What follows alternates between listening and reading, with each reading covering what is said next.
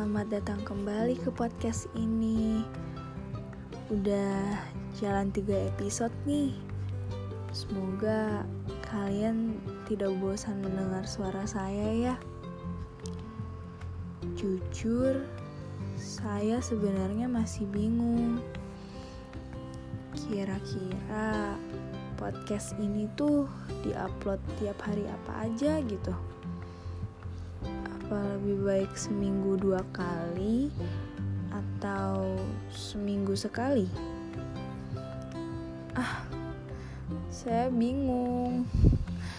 Kalau tidak, nanti akan saya infokan ke kalian ya. Oh iya, ngomong-ngomong, bagaimana episode kemarin? Cerita pendek yang saya buat berdasarkan pengalaman orang-orang di sekitar saya. Pengalaman yang di mana mengharuskan mereka untuk memilih A atau B, kanan atau kiri, maju atau mundur, dan yang lainnya. Ya, saya juga pernah sih ada di posisi itu yang mengharuskan saya untuk memilih ke depannya ingin bagaimana. Kalau kata salah satu orang terdekat saya, apa pun yang dipilih tentu memiliki resikonya sendiri.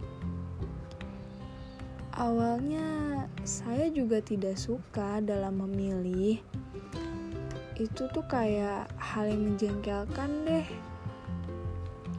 Namun, semakin ke sini saya sadar apa pun pilihan yang dihadapi, tentunya mereka punya maksud tersendiri. Dan di saat saya dihadapkan seperti itu, saya memilih untuk bertahan. Kenapa? Karena ada banyak alasan yang saya tidak bisa jelaskan di sini.